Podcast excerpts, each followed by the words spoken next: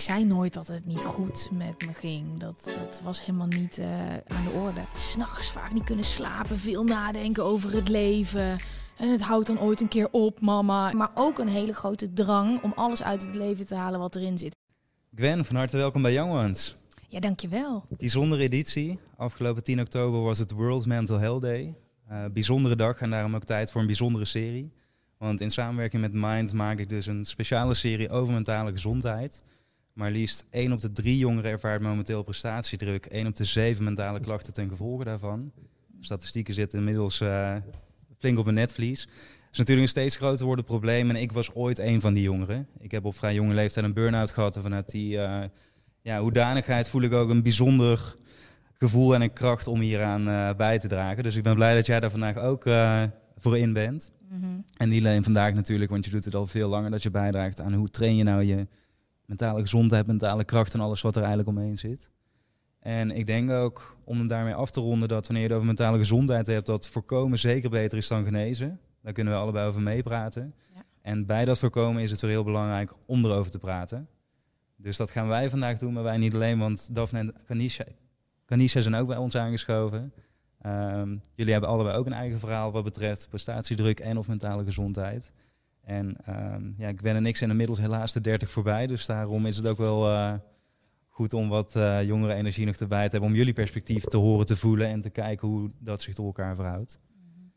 Dus dat is de setup. En dan heb ik altijd één mooie eerste vraag. En die vraag is, Gwen, wat moet ik van jouw jeugd weten om de persoon die hier nu tegenover mij zit beter te begrijpen? Wow, diep. Uh, eerste keer dat ik die vraag krijg. Mooie vraag. Um, ik uh, ben opgevoed door de twee liefste mensen van de wereld. Uh, met mijn hart op mijn arm. Dus in mijn hart on my sleeve, zo kan je in Engels zeggen. Ik uh, was een heel gevoelig kind. als ik naar buiten toe ging en ik zag een groep jongens op de hoek van de straat staan, dan draaide ik om. Um, s'nachts vaak niet kunnen slapen, veel nadenken over het leven. En het houdt dan ooit een keer op, mama. En waar moet ik dan naartoe? Wow. En, dus dat is echt al vanaf dat ik heel jong was een thema. Ja, ik zie nu ook wel, en soms heb ik met mijn vriend daarover. Dus ja, ik had dat niet. Ja.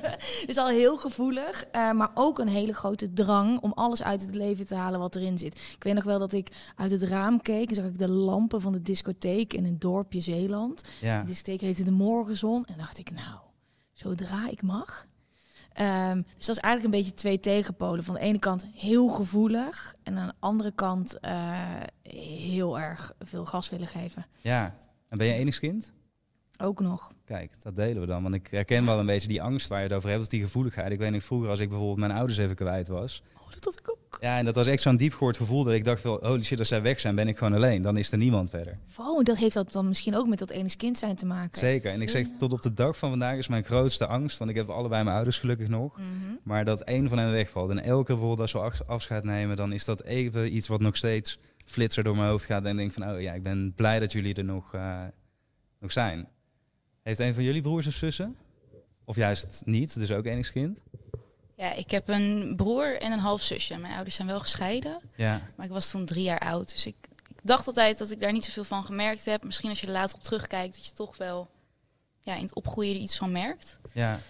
Um, en vind je het een fijn gevoel dat uh, je broer en je zusje dan in ieder geval, als het goed is, nog heel lang bij je gaan zijn? Een soort van toch vertrouwen van, nou, in ieder geval in de grote wijde wereld zijn zij altijd een, mijn baken en hou vast. Ja, ik denk, ik kan me ook niet ik, echt identificeren met wat jullie zeggen. Nee. Ja, nee, dat snap ik, ja. ja. Wat grappig. En jij? Ik heb een broertje en een halfbroertje. En mijn broertje en ik die zijn super close. En mijn ouders zijn op best wel jonge leeftijd uit elkaar gegaan. En mijn broertje en ik echt heel veel aan elkaar gehad. Ja. Dus dat gevoel heb ik zeker wel met mijn broertje. En ja, misschien een beetje slecht, maar je ouders neem je toch misschien iets minder snel voor lief of zo. Want die zijn er voor je en die zorgen voor je. Maar mijn broertje heb ik net wat een specialere band mee. Maar ik heb ook wel gehad als ik mijn moeder bijvoorbeeld kwijt was in de supermarkt. Dat ik wel echt dacht van, waar moet ik nu naartoe? En dat je dan wel denkt van, oh paniek. Maar niet per se dat, dat ik dan denk van, oh als ze weg zijn of als ze dood zijn, dan Ja. gebeurt er iets. Dan ben ik alleen. Dus daar heb ik echt wel mijn broertje voor en daar ben ik heel blij mee. Nou, lekker voor jullie. Dat Ja. weten wij niet hoe dat is. Ja, nee, zeker. Ja, we hebben nu al twee kampen. Nee. Maar inderdaad, en ook heel gevoelig dus. Hoe, hoe heeft zich dat dan in, in het verloop der tijd eh, geuit in hoe dat je bent ontwikkeld? Ging je juist, ondanks die angst, wel allerlei dingen dus aan? Omdat je eigenlijk was wel nieuwsgierig? Of? Ja, ik ehm, ging mezelf bewust uitdagen. Ik weet nog heel goed dat ik, eh denk een jaar of 14 was of zo. En eh, in Uden heb je een hele grote kermis. Dat is Ja. echt een hele grote Ja, kermis. ik kom uit Weer, dus we hebben de allergrootste kermis Ja, ja, we, hebben allemaal een hele grote kermis. En ehm, ik was ook best wel verlegen. Ik durfde niet eens een colaatje te bestellen als ik ergens was. En dat ik eh, wel naar de kermis wilde. Dus nou, ik ging dan alleen naartoe, ging ik in de rij staan. En toen ontdekte ik dus, als ik met mensen ging praten, dat ik dan een leuk gesprek kon hebben. En ik dacht, nou, als ik dit gewoon overal ga doen, dan heb ik overal vrienden. Ja. En eh, dat triggerde echt iets. Weet ik echt nog precies waar ik stond op dat moment. En eigenlijk ook in de rest van mijn leven kwam ik er gewoon achter dat ja, als ik zo verlegen blijf, dan ga ik gewoon niet naar die club kunnen waarvan ik de lampen zie. Eh, en ben ik echt mezelf gaan uitdagen. Tot op een punt dat ik gewoon niet van mezelf het kon uitstaan als ik het niet zou gaan doen. ja. En nou, je kan me voorstellen hoe dat dan gaat. En met alle extreme dingen die ik de afgelopen tien jaar eh, ook heb gedaan, eh, ben ik een beetje comfortabel geworden met oncomfortabel zijn. Ja. Dat kan je wel zeggen. Zeker, want je was ook op een hele jonge leeftijd al flink aan het werk, toch? Eh, op jezelf gaan wonen in Den Haag, als ik Ja. het goed eh, herinner. Zonder dat ik een opleiding had. Dus echt eh, heb ik gestopt met mijn HBO-opleiding. Zei mijn moeder, nou dan oké. Maar dan ga je wel werken. Zei Waarom stopte je? Ja, ik had mijn focus helemaal niet daar. Mijn ouders zeiden eigenlijk al na mijn HAVO-opleiding van... als jij dit niet wil, dan hoeft dat niet. Mijn ouders zijn allebei echt ondernemers. Ja, En eh, ik zei, ja, tuurlijk wel, want ik heb net mijn HAVO gedaan. Waarom heb ik dit gedaan? Ik wil gewoon dan doorstuderen. Nou, dat lukt helemaal niet. Eh, Honderd redenen, mijn opa en oma overleden, mijn hond ging dood, alles gebeurde. En ik eh, heb het twee keer echt geprobeerd, niet mijn P gehaald. En Ja. ik wilde op avontuur. Ik werkte toen ook al als model, als promomodel. Ik danste ook al in clubs. Dat klinkt super smoetsig, maar dat is eh, niet zo Ja. smoetsig als dat het klinkt. Dat was vroeger echt een ding, hè? Dan had je DJ's, had je altijd twee danseressen ernaast Ja. staan. Dat heb je inmiddels niet meer. En eh, toen, zodra ik uitging, dacht ik, ja, dat is wat ik wil. Eh, dus ik deed al van alles. En dan weet ik nog wel dat ik 16 was. Dat ik in de trein naar Amsterdam, mocht ik in de Jimmy Woo als hostess werken. Ja, luister. Je komt niet eens de Jimmy Woo binnen, weet je wel, Ja. überhaupt toen. Laat staan als je 16 bent. Ik kende dat van liedjes van de opposites. Ja. Dus ik wilde gewoon oh, alles meemaken. Ehm, en eh, ja, zo, zo belandde ik in Den Haag. ja, het is ook compleet anders eigenlijk dan hoe dat je jezelf in het prille begin omschreef. Ja, ja. Zo'n contrast, terwijl het natuurlijk wel nog steeds in je zit op zo'n moment. Dus niet dat je dan een compleet andere persoon bent eh, geworden. Ja, maar ik, ik, ik ging mezelf echt uitdagen, omdat ik dacht, ja, vooral ook toen ik geen eh, opleiding meer had, dat ik dacht, ja, ik, ik zal het zelf toch moeten gaan fixen. Ja. En dat gebrek aan opleiding, eh, om het zo te zeggen, dat je daarmee Mhm. stopte, dat heb je nooit als vervelend ervaren. Dat was eigenlijk, dat voelde meer in lijn met je gevoel en de richting die je indeelde. Ja, ik was best wel vroeg volwassen. Dus mijn ouders die hebben een sportschool waar ik al op mijn veertiende een beetje mocht helpen. Ehm, iedereen die daar sportte, dat waren een beetje mijn oudere broers en zussen. Ik had ook veel oudere mensen altijd om me heen, oudere vriendinnen. Ik was veertien en dan ging ik met meisjes van 24 naar de bioscoop toe. Ja. Dus ik merkte gewoon dat ik niet echt aansluiting vond bij mijn leeftijdsgenoten. Ehm, dus ja, dat, dat, en dat gebrek aan opleiding heb ik altijd alleen maar gezien als dat. De weg die ik heb bewandeld, heb ik zoveel van geleerd. ja. Eh, daar kan echt geen opleiding tegenop. En ik zeg echt niet dat het voor iedereen geschikt is. Want voor de een is het echt perfect om een studie te volgen. Maar voor mij was het gewoon niet het juiste moment. Maar ik had wel de intentie om ooit nog een keertje te gaan Ja. studeren hoor. Ehm, en ik stopte ook in 2008. Toen was er een crisis. ja, Toen kon je niet eens bij een callcenter gaan werken. En toen eh, eh, ben ik bij een sportschool gaan werken in Den Haag. Ja. Daphne, kijk even naar jou. Want als ik dat aan jou vraag, hè, van ehm, ja, druk voelen om te, te studeren en om een bepaald papiertje binnen te halen. Ja. Eh, Gwen heeft dat duidelijk dan niet gevoeld, want die dacht, nou, een ander pad is daar voor mij. Hoe heb jij dat op school ervaren? Ehm, Want vanuit de middelbare school krijg je natuurlijk een bepaald advies. Eh, nou, Ja. dat, dat tekent dan eh, meestal is meteen van, nou, jij bent die categorie. Bij mij was het bijvoorbeeld VMBO. Nou, dan ja. ben je meteen gedoemd tot drie keuzes. Bijvoorbeeld techniek, economie volgens mij en Ja. eh, handarbeid of zo. ja, ik ben natuurlijk begonnen op HAVO-VWO. Ehm, alleen ik merkte dat ik op de middelbare school echt wel moeite had met leren. En ik zat ook nog eens op een school waar je alles zelf heel erg moest inplannen. Dus je had gewoon zes weken om allerlei opdrachten en verslagen te maken. Aan het einde van de zes weken moest het ingeleverd zijn. Eerste jaar kwam ik er nog goed mee weg, tweede jaar niet. En toen eh, nou ja, is mijn mentale gezondheid ook best wel ingestort. ehm, waardoor ik noodgedwongen naar MBO 4 moest. Ehm, ja, vond ik niet per se heel erg op dat moment. Omdat ik dacht van, nou kan ik lekker praktijkdingen doen. Ik ben toen middelbare hotelschool gaan doen. Alleen, toen ik daar eenmaal zat, dacht ik wel, ik zit hier ook niet echt op mijn plek. Ehm, Ja. En dat is ook de reden dat ik die opleiding ook niet af heb gemaakt. Ehm, en ben gaan werken inderdaad bij een van mijn stageadressen. Dacht ik, ik blijf gewoon werken, want ik vind het echt verschrikkelijk hier op deze school. Wel met het idee om ooit nog weer een studie op te pakken. Alleen ik denk nu ook wel dat ik er zo lang uit lig. Het is zeven jaar geleden dat ik op school heb gezeten. Als ik er nu aan denk, denk ik ja, moet ik een P gaan schrijven? Of ik weet niet eens Heb wat je een het P nodig, is. denk je? Ja, Voel je een soort gebrek eraan nu op dit moment in je leven? Of denk je van nou, ik heb het Nee. eigenlijk... eh, Nee, het enige wat wel, ja, het, het hoeft niet per se zo te zijn. Alleen ik heb wel met daarna al mijn carrière eh, stappen die ik heb gemaakt, dat ik wel het idee dat het, de opties heel beperkt waren. Omdat ik in een bepaald eh, gebied mezelf omhoog ging werken. Ehm, kon niet in één keer dan van die route afstappen en zomaar iets heel anders gaan doen als werk. Ja, Dus die stapjes waren wel een beetje bepaald voor mijn gevoel. Dus dat was misschien wel beperkend. Ja, en jij Kanisha, want ik weet dat jij op school inderdaad ook die, die zoektocht hebt gehad van wel niet, wat, welke richting is het die bij me past? Ja, klopt. Ehm, ik heb ook in de HAVO-VWO schakelklas gezeten. Uiteindelijk genoeg cijf- mijn cijfers waren hoog genoeg om naar het gymnasium te gaan. Dat gedaan. En dan heb je inderdaad dat vakkenpakket van wat wil ik dan doen? Ga ik voor natuurtechniek? Ga ik wat anders doen? Ik wilde iets met geneeskunde of gezondheid gaan doen. Dus dan heb je biologie, natuurkunde, scheikunde nodig. Nou, de je, vakken waar ik het waarom wilde je dat? Sorry? geneeskunde, wat, wat was het wat je daarin triggerde? Of wat, was dat ook het, het feit dat geneeskunde wordt altijd bijna als het, eh, de Harry Potter van eh, de Unie Ja, gezien natuurlijk? Ja dat, ja, dat inderdaad. Maar dat was het bij mij gelukkig niet. Ik wilde heel graag iets doen buiten patiënten. Ik zag heel erg bij mijn oma, die sukkelde een beetje met haar gezondheid, dat alles eromheen gewoon heel slecht geregeld was. Ehm, je wordt een beetje van het kastje naar de muur gestuurd. Ja. En toen had ik zoiets van, dat moet beter kunnen. En toen ben ik heel bewust ehm, dat vakkenpakket dus gaan kiezen. Ja. Want dan kan ik dat doen, kan ik mensen gaan helpen. En toen zat ik een beetje richting psychologie, geneeskunde, die kant op te denken. En dan loop je dus tegen die vakken aan. En dan loop je ook tegen de kast aan van... oké, als ik dus die vakken niet heb... hoe kan ik dan via een omweg er alsnog komen? En die ja, was niet echt duidelijk. Dan ga je naar je mentor toe of op school. En andere mensen vragen van, wat moet ik nu eigenlijk doen? En dan is het een beetje van, ja, dit is het. Dus doe maar gewoon je best. En dan eh, hopen dat je een vijf en een half haalt... en met je hakken een beetje over de het jaar kan afronden. ja. En hoe is dat uiteindelijk afgelopen? Of hoe is dat verlopen? Ehm, ik ben twee keer gezakt voor mijn 6 VWO, dus dat heeft wel echt heel erg ingehakt, heel erg faalangstig daarna geweest.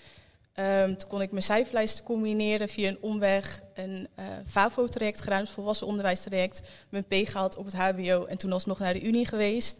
En omdat dat zo'n lange aanloop heeft gehad, inclusief mijn faalangst, in het eerste jaar ook herkansingen gehad. Dus dan blijf je eigenlijk een beetje ehm ja, erachteraan hobbelen en lopen Ja. dat het net niet allemaal lukt. Door de herkansingen heb je toch wat minder rust. Dat wordt gep- gepland na je vakanties of voor je vakanties. Wat het allemaal heel erg lastig maakt. Ehm, dus dat eerste jaar heb ik wel echt eh, op mijn tandvlees gelopen. Gelukkig ging het in het tweede jaar wat beter. Net iets beter in mijn routine. Ehm, maar ja, school is bij mij nooit een hele plezierige herinnering. Ja. Hoe het allemaal is gegaan. En heb je achteraf, want dat heb ik namelijk wel wanneer je kijkt naar die, die journey van het toch maar proberen, toch maar proberen. Het idee dat je uiteindelijk echt nog geneeskunde wilde? Of was het meer een soort de zoektocht naar eigenwaarde van als ik dit stukje haal, dan ben ik goed genoeg? En is het een soort keurmerk eh, waar je dan dat gevoel uithaalt? Ja, ik, ik, een beetje kip-ei verhaal denk ik. Want elke keer als ik me dan weer moest uitschrijven voor gezondheidswetenschappen, wat ik dan heb gedaan, dan is het weer van, oh ja, ik heb gefaald. En daarna heb Ja. je een soort van die voldoening van, hè, ik heb het toch gehaald. Dus ik weet niet zo goed of het echt is dat ik het wilde halen of een soort van door dat doorzettingsvermogen het maar moest doen om iets te bewijzen aan mezelf. En achteraf kan ik wel echt zeggen dat ik er heel blij mee ben dat ik het gedaan heb en dat het echt wel bij me paste. Maar de weg ernaartoe ehm denk ik dat ik toch wel echt wat ondersteuning heb gemist en dat mensen mij die vragen hadden kunnen stellen van, hè, weet je het zeker dat je dit wil doen? Of Ja, lukt, het op een andere misschien, manier, lukt het op een andere manier misschien ook wel? alright. Ja. Ja, interessant. Ja. Want bij jou is dat pad inderdaad wat je zei, dus vanuit school eigenlijk meteen gewoon HBO niet afgemaakt, gaan werken, vol gaan werken ook. Ja. Eh, vanuit hetzelfde enthousiasme natuurlijk wat we allemaal van jou, eh, van jou kennen. Ja. Wat was het eerste moment dat je begon te merken van, nou wellicht begint het wat te wankelen, want je had een goed fundament. Ja. Verschillende banen inderdaad, eigen plek waar je ging wonen, et cetera. Ja, nou ja, ik ging naar een stad toe waar ik niemand kende. En dat is echt alsof je een vliegtuig pakt van Uden naar Den Haag. Qua mentaliteit, qua leefomgeving, alles veranderde. Dus ik was echt heel jong en ik had in één keer eh, een baan. Ik eh, ehm, heb me daar naar binnen gebluft. Ja, ik, eh, mijn ouders hebben een sportschool en ik wilde heel graag een baan hebben. En ik kende iemand die daar werkte, dus ik gesprek geregeld. Eh, en ik zei, nou jongens, eh, zeg het maar. Ik ben opgegroeid in een sportschool. ja. Nou, het kwam uiteindelijk zover dat ik dus receptie ging doen en de incasso's en lesgeven. Ja, en ik had wel eens mijn vader geholpen, maar ik had geen idee. Dus ik had gewoon ja gezegd tegen iets waarvan ik geen idee had of het kon. ja. Vervolgens heeft mijn vader me in een weekend leren tellen op muziek zodat ik voor die grote groepen mensen kon staan. Hoe dan? Eh, ja. ja. dus dat, en, en dat ging allemaal super lekker. Dus ik wende wel in de stad, moest wel een beetje wennen aan de harde mentaliteit. Want het is gewoon echt anders in Brabant als je dan in één keer naar Den Haag toe gaat. Ja. Ehm, maar er kwam steeds meer bij en ik vond alles leuk. En ik riep daar al in die jaren sowieso, dat hoor ik vooral van andere mensen terug. dat ik zei, ja luister maar, ik ga ooit voor de televisie werken. Ik ga bij televisie werken. En dat mensen ook zeiden, nou, jij met jouw accent. Ik weet niet wat jij denkt, maar ja. dat gaat hem niet worden. Zijn Hagenezen natuurlijk. Ehm, en ik wist het gewoon zeker. Ehm, dus wat ging ik doen? Ik ging gewoon fulltime werken in de sportschool. En in de weekenden ging ik op een festival staan. Ik ging eh promomodellenwerk doen, modellenwerk, dansen, van alles. En op een gegeven moment kreeg ik ook een microfoon in mijn hand, in 2010. Eh, voor het eerst. Ja. Dus, eh, van mensen die dachten, nou, dat, kom maar mee. Die Rashid ging met oud en nieuw draaien. En ik dacht, ja, dat is iets wat ik wel wil, maar ik weet niet of iemand daarop zit te wachten. Dit was trouwens, dit, die microfoon gebeurde voordat ik tegen iedereen ging zeggen dat ik Ja. op de televisie wilde komen. En ik kwam erachter dat mensen er wel op zaten te wachten en het juist heel leuk vonden. Alles wat ik deed vond ik leuk. Dus ik dacht, ja, waarom gaan we dit dan niet gewoon de hele tijd doen? Ik dacht ook, ja, waarom zou ik dan nog zelf uitgaan als ik ook gewoon kan presenteren? dus ik had echt ook, ik weet nog dat ik een bewuste keuze maakte. Dat ik dacht, ja, fuck alles. Ik ga gewoon lekker alleen maar dit doen en werken. Ehm, gemixt met supergevoelig zijn. En voor het eerst midden in het leven staan. Dus met grote mensenproblemen. Autoruitje dat ingetikt is. eh, scharrels die gemeen waren. Mensen die je teleurstellen. Gewoon in één keer. Ja. Niet, niet een soort tussenfase met studenten. Warm bad, vangnet. Helemaal niks. Natuurlijk mijn ouders. Maar ja, hallo. Ik ben hartstikke volwassen en groot. En ik ben 19 jaar. En ik ga Ja. niet eens mijn ouders bellen. Ehm, Hadden jullie het breed thuis vroeger? eh, we kwamen nooit wat tekort. Mijn ouders hebben zich wel omhoog moeten werken als Ja. ondernemers. Ehm, maar ik wilde daar sowieso alles zelf doen. Ik heb eh, vanaf het moment dat ik uit huis was eh, nooit gevraagd Ja. om iets. Dat wilde ik gewoon ook gewoon. Hallo, ik ben gestopt met mijn opleiding. Ik ga dit Ja, gewoon zeker, zelf ja. doen. En het ding was ook, ik verdiende daar helemaal niet veel geld. Ook niet met alles wat ik deed. Het presenteren deed ik ook gewoon gratis. Dat ging daar helemaal niet om. Maar dat was zoveel geld toen. Weet je, dan krijg je voor het eerst salaris gestort. Dus dat was, en die kant voelde ik me heel lekker volwassen. En aan de andere kant ehm, merkte ik langzaam dat eh, ik gewoon minder lekker ging. Ik eh, kreeg last van mijn rug, maar echt zoveel last van mijn rug dat er geen fysiotherapeut raad mee wist. En ik moest sportles geven. Ja. Ze hebben zelfs mijn matras veranderd. Eh, ik sliep heel slecht. Ik ehm, schoot heel snel uit mijn slof. Was helemaal aan het piekeren. Kon me niet meer focussen. Het ging gewoon echt niet goed. Dus de- langzaam merkte ik dat. Maar ja, ik zei nooit dat het niet goed met me ging. Dat, dat was helemaal niet eh, aan de orde. Ja. Totdat ik een, een ochtend naar de sportschool toe ging om te werken. Dat ik echt fysiek ziek werd. Meteen naar huis ben gegaan. En in de auto een vriend belde. En ik zei, nou, het gaat echt niet goed. Het gaat dus 2,5 jaar dat ik daar woonde inmiddels. Wat gebeurde er toen? Meer wat, wat was er wat er echt ja, niet goed paniek, ging? een soort onrust, paniek. Ehm, als ik zo terugkijk, was het gewoon iets wat echt langzaam aan het opbouwen was. Ik had een relatie die helemaal niet werkte. Alles eh, klopte niet. Ja. Ehm, en uiteindelijk gaf, gaf mijn lichaam gewoon een signaal. Maar ja, ik kende dat helemaal niet. Want waarom zou ik me kut voelen als ik ook gewoon iets leuks kan gaan doen? Dat is toch gewoon heel simpel. Waarom zou ik hier in mijn eentje gaan zitten janken? Of waarom, zou- waarom zou ik het met iemand over hebben? Ja. Ik kan toch ook gewoon iets leuks gaan doen. Nou ja, zo werkt dat niet. Dus je, mijn gevoel haalde me uiteindelijk in fysiek. Uh, naar mijn ouders gegaan uiteindelijk. Terwijl ik echt nog wel, ik denk dat ik nog vier, vijf dagen had geprobeerd om, nou, dan ga ik in het weekend iets doen, werken. Nou, toen reed ik mijn auto tegen een paaltje aan. Weet je alles gaat dan mis. Dat ja. ik weer met zes uur s ochtends mijn ouders belden. En nou, het gaat echt niet goed. Het gaat echt niet goed. Huilen, paniek.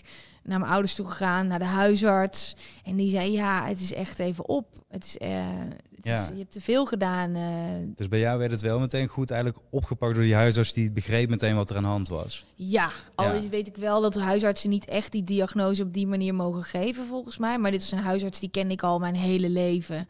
En uh, ja, die, die, die zag gewoon, ja, dit is gewoon uh, ja. is niet goed. Dus de, je kan niet anders nu, het is nu even klaar. Nou, de, de reden dat ik het vraag is omdat bij mij in het begin werd gezegd van... nou, je moet gewoon even een week op de bank gaan liggen en dan, oh, ja, dan komt het wel goed inderdaad. En ik heb er later wel eens over nagedacht. Bij mij was de beredenering toen in ieder geval van... Nou, ik kom uit een dorpje in Limburg, daar zijn misschien de, de mentale problemen nog niet zo hoog opgelopen als in de stad. Want toen ik later in Utrecht volgens mij bijvoorbeeld een keer naar huis was... nou, daar, daar was een heel centrum omheen gebouwd en daar was alles zeg maar on point om dat... Uh, te analyseren. Maar bij jou was het dus wel meteen gewoon goed ge gezien. Ja. ja. Ja. en ik denk ook wel, weet je, die, zo'n huisarts die, die weet dan een beetje hoe je in elkaar zit. En ik vraag me af wat ik had gedaan als ik hetzelfde advies had gekregen. Want op dat moment kan iemand wel zeggen dat je opgebrand bent. Maar ik kende dat nog helemaal niet. Opgebrand zijn, dat is toch gewoon voor mensen uit zakenleven. Mensen die veel te hard werken, die alleen maar stress hebben. Maar mijn hele leven is leuk. En ik ben begin twintig. Ja. Uh, dus ook al zei hij dat, ja, ik lag te googlen in mijn bed. Uh, jong, uh, burn-out, klachten, dat vond je niet. Dat vond je niet. Dus ik praatte daar niet over met de mensen omheen. Zeker niet met mijn vrienden uit Den Haag. Ja, dag, ik, ben, ja. ik voelde me knettergek. En ik wist op dat moment ook echt niet of het ooit nog goed zou komen. Want ik was compleet de weg kwijt in mijn eigen hoofd. Ik sliep niet. Ik ratelde de hele nacht door. En dan probeerde ik alles op een rijtje te krijgen. Hoe is dit gebeurd? Komt het ooit weer goed? Mijn ouders hadden echt, echt met hun handen in het haar. Dus ja. geen idee wat ze daarmee aan moesten. Bizar zeggen. Wat is toen dan hetgeen wat je zegt, ik, ik schaamde me in die zin om erover te praten. Tenminste, mm -hmm. ik denk dat het dan schaamd is, waardoor je het ja. niet met iedereen maar deelt, maar intern ja. houdt. Is dat iets wat jij ook hebt gedaan, Kanisha, toen jij met die burn-out werd geconfronteerd? Of ging jij het juist wel delen? Nee, ik heb het ook helemaal niet gedeeld. En ik haakte net een beetje aan op wat jij zei van je bent zo jong volwassen. En omdat mensen dat beeld ook een beetje van je hebben van met jou gaat het eigenlijk allemaal wel goed en je kan je eigen boontjes wel doppen. Dat op het moment dat je het dan aangeeft bij iemand, dat ze dan ook een beetje misschien een beeld van je hebben van, oh, maar met jou gaat het toch altijd goed. En als je een soort van jong volwassen bent, dan is dat kinderlijke er ook een beetje vanaf dat mensen je nog iets willen leren of zo. Dus als je dan op je 18e, 19e uit huis gaat, ik ging studeren, um, denk ik ook dat mensen iets hebben van, oh, maar hiervoor kon je het ook zelf. Dus dan zal het nu ook wel gaan. Terwijl die shift heel groot is. Jij ging dan van Ude, ja. ik ging vanuit Almelo ja, uh, ineens naar Amsterdam. Ja. Nou, daar is alles anders. Mm. En ja, dan praat je er ook niet echt over. En helemaal niet met de mensen die je dan net hebt ontmoet tijdens de introweek van, oh wow, hebben jullie het ook zo zwaar? Zo. Dat, dat zeg je eigenlijk niet, want dat is lang leven de lol. En iedereen die heeft dat maskertje een beetje op van, het gaat wel goed. En in het laatste, ik zat dan in het laatste jaar van de opleiding. En iedereen die was van hè, schouders eronder, maak alleen je scriptie af, dan ben je er vanaf. En op een gegeven moment was het ten koste van mijn gezondheid en ging het gewoon echt niet meer. En pas toen de echt zeg maar lichamelijke klachten waren, toen was het van, oh ja, misschien is er dan ja. toch wel echt iets aan de hand. Want het advies is dan dus vaak inderdaad, zeker als mensen geen ervaring hebben, nou zet nog heel even een tandje bij, nog even een halfjaartje door. Wat in mm. termen, als je deze klacht al hebt, is dan het, dat laatste halfjaartje natuurlijk funest. Um, maar met andere woorden, we zeggen ook eigenlijk alle drie, want bij mij was het ook een jaar lang in ontkenningen, dan paniek aanvallen over straat, weer terug naar binnen, oh. opsluiten, weet je, het hele riedeltje. Dat als je zoiets voelt, eigenlijk wat jij ook allemaal noemde, inderdaad niet kunnen slapen, van die flitsen voor je ogen, hoor je vaak mensen zeggen duizelig, buikpijn, ja. hoofdpijn, noem het hele riedeltje maar op. En je ervaart dat structureel, dat het misschien toch tijd is om in ieder geval bij een huisarts of iemand even een check-up te doen of zo. Ja, en de mensen die dit meemaken zijn juist de mensen die al aan alle kanten overcompenseren. Weet je wel, de mensen die vaak het hardst lachen, daar gebeurt het meeste achter de schermen, achter het masker. Ja, ja. De mensen die waar het altijd goed gaat, ja, dat, dat kan helemaal niet natuurlijk, weet je wel. Dus ja. het is echt wel, juist naar die mensen moet je beter luisteren. Want de mensen die wel eens regelmatig bij de koffieautomaat zeggen, yo, ik heb echt een kutnacht gehad, of een, sorry dat ik zo vaak scheld. Uh, dat mag je. Ik heb een hele vervelende nacht gehad en ik ga even niet zo lekker. Dat zijn de mensen die wat beter ventileren. Um, ja. eh, en die eventjes lekker zichzelf een beetje leeg schudden. En de mensen waar het altijd goed gaat, dan weet je, daar, daar wordt vaak niet naar Ja, geluisterd. zeker. Ja. Ho, niet schrikken, even een kleine onderbreking. Misschien heb je tijdens het bekijken of beluisteren van deze aflevering het gevoel alsof het over jou gaat. Een gevoel van herkenning. Misschien ervaar je zelf stress of druk, vind je het moeilijk om fouten te maken of lastig om keuzes te maken. En dan is het heel belangrijk om te weten dat je hier iets aan kunt veranderen. Maar de kans is groot dat je nog niet weet hoe dat je dit kunt veranderen. Daarom heeft Mind speciaal voor jou een gratis challenge gemaakt, zodat je vandaag nog het verschil mee kunt maken. Al duizenden mensen gingen hiervoor en hebben hier voordeel uitgehaald. En je leert bijvoorbeeld hoe dat je om kunt gaan met faalangst en perfectionisme. Hoe dat je meer vanuit je gevoel keuzes kunt maken. En hoe dat je af en toe even kunt uitschakelen, ontspannen en daardoor weer energie opladen om met frisse energie ook je dag in te gaan. Dus schrijf je in via de link in de omschrijving en maak vandaag nog het verschil voor je eigen bestwil. Hoe ging het bij jou verder dan? Want ik vind het bij jou zo bijzonder dat dat... Je zou eigenlijk verwachten, ik weet niet waarom, maar logisch Ja. gezien van oké, jij gaat bij BNN werken, daar gebeurt al die gek en dan gebeurt het. Maar dit Ja. gebeurde voor die periode. Godzijdank. Ja. Anders dan had ik een heel ander leven gehad.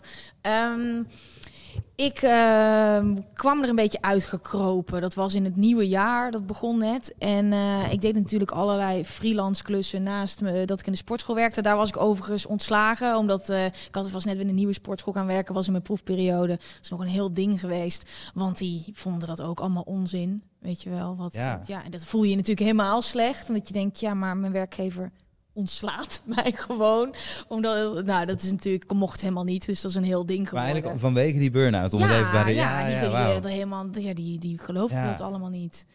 Die dachten, eh, dit- dat, misschien is dat ook een van de redenen geweest dat ik er naderhand niet zo hard eh, over heb eh, gepraat of eh, niet van de daak heb geschreeuwd. Maar ik kroop er een beetje uit en toen had ik heel bewust een keuze. Of ik blijf weer bij mijn ouders, je, vertrouwde plek. eh, en dan ga ik hier een baan zoeken en dan ga ik iets doen waar ik minder mijn eigen grenzen kan overschrijden. Ja. Of ik ga het leven van mijn dromen achterna, wat ik natuurlijk wilde. En ondertussen alle tools verzamelen die ervoor zorgen dat ik mentaal in balans kan blijven. Ja. En ik kon niet anders dan dat laatste. Want ik rook inmiddels een beetje de kansen die konden komen. En eh, ik ben toen vol gas in die freelance klussen gedoken. Wat ik eigenlijk nooit echt durfde, omdat ik bang was dat, er- dat dat niet genoeg zou zijn. En dat ging heel lekker al heel snel. Waardoor ik eh, meer kon doen wat ik leuk vond. En ja, qua presenteren is gewoon altijd al... Ja, mijn focus heeft daar compleet gelegen. Dus toen ik een beetje rook dat het een optie was... en dat mensen het leuk vonden wat ik deed... voor een eh, camera met een microfoon... Toen was je los. ja, toen, ja, overal waar ik werkte, de- de- eh, of het nou op een beurs was of wat dan ook, dan sprak ik daarover. En YouTube was toen eh, anders, maar ook wel al in een niche heel groot. Ja. Dus ik deed daar party reports met alle DJ's die nu de hele wereld overgaan. Zeg maar Hardwell, Nicky Romero, Afrojack. Al die gasten die toen nog helemaal niet supersterren waren. Ja, die vonden het leuk om geïnterviewd te worden. En daar maakten wij een serie van. Ja. Dus ja, iedereen in die scene die hoorde dat. En toen kwam Excite op mijn pad. Ehm, dat is een digitale muziekzender. En toen dacht ik, ja, dit, dit eh, ga ik niet meer loslaten. Ja. Ik, zou, ik heb auditie gedaan voor TMF. Nou, toen viel TMF om. Nou, helemaal ellende. Toen kwam Excite en... ehm, daar ben ik gewoon heel hard gaan knallen. Ik wist ook niet zo goed wat ik anders moest doen. Ik dacht, ik moet gewoon hier een contract scoren. Toen heb ik een eh, clubtour opgezet. Die heb ik gepitcht bij de directeur. En, Oh, eh, ja. ja, ik, eh, ja, ik dacht, ik had toen een, een, een woning in Amsterdam geregeld die ik illegaal kon onderhuren, maar ik had helemaal geen baan. Dus dat was eh, hartstikke handig. Toen Ja. dacht ik, ja, hoe kan ik dit nou? ja, en toen ik bij Excite terecht kwam, zeiden ze, dat is heel leuk, maar je kan af en toe een, een festival doen, weet je, dat is een beetje jouw tak. Ja. Ehm, maar we hebben genoeg VJ's. En Toen ben ik met, het, eh, met dat voorstel gekomen. Dus een, ik organiseerde al events daarvoor, al feesten. Ehm, als ik een clubtour ga eh, verkopen, een kant-en-klaar pakket, dus DJ's, danseressen, artwork, dan ga ik daar een format bij bedenken. Maar dan wil ik dat wel presenteren en dan wil ik wel zelf op de poster. Ja, vet. Dus eh, ja, die directeur die wist volgens mij niet helemaal wat er gebeurde. Want ja, daar verdien je gewoon geld mee. Dus dan konden ze en mijn contract betalen. Eh, en hadden ze een format en een marketinguiting. Ja. Dus dat en had ik. je Ja, podium. ja, dus maar dan kan je je voorstellen dat ehm, ik was alweer eventjes onderweg, weet je wel. Ik, ik denk dat dit twee jaar na mijn burn-out was, ongeveer. En had ik in één keer twee jobs. Dus ik was, deed in één keer marketing, terwijl ik daar helemaal niet voor opgeleid was. En Ja. aan de andere kant werkte ik als presentatrice en programmamaakster. Wat ik ook, nou, dat programma maken had ik ook nog nooit gedaan. Ja. Ehm, dus dat deed ik eigenlijk een jaar. Met als hoogtepunt ADE, waar ik eh, een hele hoop mensen had geïnterviewd. Uh, in de laatste clubtour in december. Toen uh, zat ik daar echt met hartkloppingen. Toen kwam ik bij de time-out binnen, had ik al heel veel opgebouwd. Allemaal van die stalen balken met van die banners.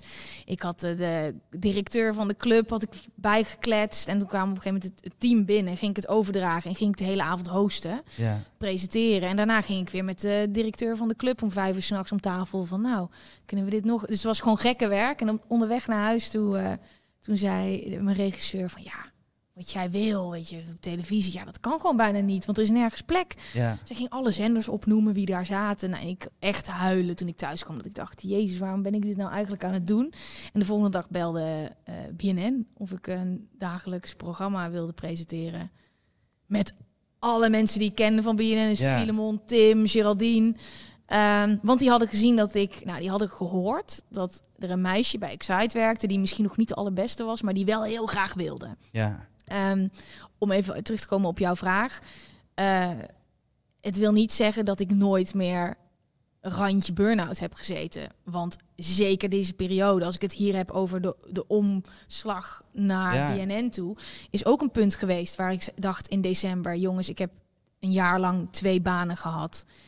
Het zit tot hier en in één keer kreeg ik BNN een dagelijks programma waarin ik gewoon vol gas moest geven. Gewoon um, s ochtends zes, zeven uur op de redactie, items bedenken, draaien, terugkomen, mee in de edit set en de volgende dag weer hetzelfde. Plus de alle, mijn allergrootste droom werd werkelijkheid. Ik heb op heel veel punten nog steeds iedere keer um, mijn grenzen aangetikt en ik ben er overheen gegaan. Maar door die burn-out wist ik wel, als ik er te lang overheen ga, dan gaat het lampje uit en ik kan nu niet meer drie maanden terug naar mijn ouders. Dus ik heb ook altijd overal waar ik, waar ik binnenkwam, ook bij BNN, gezegd: hey, ik heb een burn-out gehad. Ja. Ehm, best wel jonge leeftijd. Ik heb het vermogen om uh, heel hard over mijn eigen grenzen heen te gaan. Dus ja, ik wil dat gewoon even gezegd hebben. Ik ging er misschien een beetje van uit dat zij die mee zouden bewaken. Dat gebeurt dan natuurlijk helemaal niet. Um, op uh, werkvlak vond ik het heel fijn om dat wel te delen. Omdat ik ook inmiddels zag dat ik juist het vermogen heb om knijterhard te werken zonder te stoppen. Zeker daar bij BNN en bij Excite. Omdat ik voor mijn gevoel goud in handen had. Ja. Maar ja, dat betekende ook af en toe dat ik echt super hard over mijn grenzen heen ging. En dat ik er gewoon inmiddels met fijn management ook gewoon even een weekje niet meer was. ja. ja, maar dit is dus wel het eerste moment wat je zegt van je hebt je grenzen eerst leren kennen en erkennen ook van oké, die zijn er dus. Ja. En bij BNN was het voor het eerst dat je ze ook duidelijk ging, ging communiceren. Zeker. Uh, in ieder geval dat ze er zijn. Ze deden er blijven niets mee, maar dat is dan... Uh... Ja, maar je, je, bent daar zelf verantwoordelijk voor. En ik wist helemaal niet dat ik grenzen had. Ik wist helemaal Ja. niet dat die muur er was. Dus ik ben heel blij en dankbaar dat ik zo vroeg daar tegenaan ben gelopen. Ehm, omdat ik anders absoluut op een ander punt in mijn leven hetzelfde had meegemaakt. En dan kon ik het me niet veroorloven. Dus als Ja. er een baan is waar je graag wil werken of je werkt ergens naartoe in je leven. Ik wist gewoon, als ik te lang, te ver ga, dan kan ik niet meer. En ik kan op dit moment niet even drie maanden uitchecken. Dus ik ben echt wel heel dankbaar geweest dat die grenzen er zijn. Maar dat zorgt er ook voor dat ik wel een hele eh, typische manier van leven heb. Omdat ik heel erg mijn grenzen aangeef. Ja, Ehm, die er eigenlijk tot dat moment ook helemaal niet waren, toch? Want als jij je leven omschrijft, dan moet ik meteen, als ik het op mezelf betrek, maar denken aan de muziekindustrie. Je Ja. hebt niets onder controle eigenlijk. niks onder Wat voor controle. mensen zoals wij, die inderdaad heel hooggevoelig zijn en het liefst wel iets van houvast hebben van oké, waar Ja. een soort zekerheid en rust in zit. Ja, maar dat had ik Ehm. op dat moment in mijn leven. Ik kon heel goed werken en eigenlijk verder niks. Ik had geen idee hoe ik voor mezelf moest zorgen. Ehm, fysiek niet, Ja, mentaal niet. Dat heb ik echt moeten leren na mijn burn-out in die jaren daarna. Dat is echt iets van, ik ben nu 32 van de afgelopen 10 jaar geweest. Dat ik onderweg dacht, oké, dit leven is veel te fucking mooi om nu weg te gooien. Ik wil het vol gas leven. Mijn werkdruk is mega hoog. Ik heb mega veel ambities. Hoe gaan we dit dan doen? Eh, hoe ga ik ervoor zorgen dat ik dan fit blijf? Ik had geen idee. En vanaf het begin dat ik bij BNN kwam, ben ik met een psycholoog gaan praten. Meteen Ja. vanaf het begin. stap 1 was dat. Ja, dat is tijdens mijn burn-out nooit gelukt. Eén keer met iemand gekletst. Ik had helemaal geen klik met die persoon. Eh, links laten liggen, zelf eruit gekropen. Eh, maar bij BNN, ja, weet je, dat op, op een gegeven moment de werkdruk wordt alleen maar hoger. Je legt alleen maar meer druk op jezelf. Veel meer mensen willen wat van je. Ja. Ja, en dan combineer dat met een beetje extreme programma's. En heel erg willen pleasen, iedereen blij willen maken. Vaak Eh, over je grenzen heen gaan dus. ja, in, in, zeg maar professioneel over je grenzen heen Ja. gaan natuurlijk. wa- Want het zijn ook alle, ja, zelfs iedereen die nog nooit een burn-out heeft gehad, zou daar wel eventjes, weet je, soms een nachtje van wakker liggen. Ja. Dus ik werd zo erg op de proef gesteld dat ik echt met mezelf aan de slag moest, omdat ik het niet wilde missen. Dus eh, daar ben ik, heb ik gewoon een studie van gemaakt. Precies. nu Ja. ook van ik kan het me niet veroorloven, maar is dat niet altijd waardoor mensen over hun grenzen gaan? Dat ze dan het gevoel hebben dat ze niet aan de rem kunnen trekken. Dus dat, dat Ja, het absoluut. is. Maar het ding is dus, als je dat gevoel hebt, kan je dus gaan voorkomen.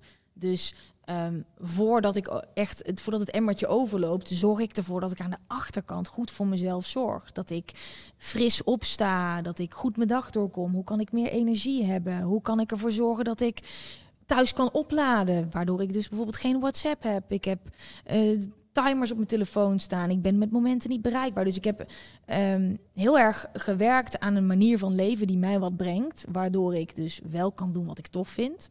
Ook niet oneindig, weet je. Ik heb ook nog steeds grenzen. Maar dat zorgt er wel voor dat ik, dat ik niet meer op het punt kom dat ik echt het niet onder controle heb en dat het lampje uitgaat. Zelfs in zo'n onregelmatig leven. Want Ja. je kan best wel veel ehm, eh, structuur zelf creëren. Want die verantwoordelijkheid kan je niet bij iemand anders neerleggen, weet je. Dat, is, ik, eh, ja. dat, dat lukt gewoon niet. Maar dat vind ik tof wat je zegt. Van oké, als ik mezelf dus grote doelen stel en hoog doe, dan laten we eerlijk zijn, bijna elke jongere ook die ik spreek, doet dat tegenwoordig. Ja. Of het nou opleidingsniveau is, of ik wil en artiest worden en schrijver. En het is altijd een soort eh, opsomming. Ehm, dan hoort daar dus inderdaad ook een verantwoordelijkheid bij dat je niet ook en nog eens zelf naar festivals kunt en helemaal naar de kloten en 's ochtends, eh, Mhm. snap je? Het, het wordt Ja. e- eigenlijk één grote puinhoop daardoor. En wat ik bij jou wel tof vind aan deze aflevering is, ehm, bij de andere aflevering is het vooral, ik heb dit meegemaakt omdat jij ook zo lang al ermee aan de slag bent en het letterlijk is practice what you preach, want Ja. je doet het al jaren. Kunnen we het wellicht ook wat praktischer gaan maken. Inderdaad van oké, wat zijn dingen die jij na deze ervaringen bent gaan implementeren in je leven waar anderen ook iets aan kunnen hebben. Maar dan zou ik wel graag ook het hele verhaal behandelen. Bijvoorbeeld in, toen jij stopte met WhatsApp gebruiken. Ja, dat is denk ik een periode van jaren geweest totdat je daar komt, toch? Mhm. Ja, Eh, dus dat is het vaak natuurlijk. Het, het heeft veel tijd nodig om dit soort dingen echt in je leven te verwerken en daar te komen ja, daar echt te komen. Ja, nou, wat dus de hele tijd in mijn hoofd zat, het besef van, nou, er is dus een muur en die is best wel onzichtbaar, maar als ik er tegenaan loop, dan ben ik gewoon uitgeschakeld. Ja, En dat bleef de hele tijd voor, voor mijn neus hangen, bij alles wat ik deed. En zeker ook omdat ik niet echt kon inschatten wat een item met me deed. Kijk, een van mijn eerste items voor spuiten en slikken stond ik op een raam voor de wallen, of op een raam op de wallen.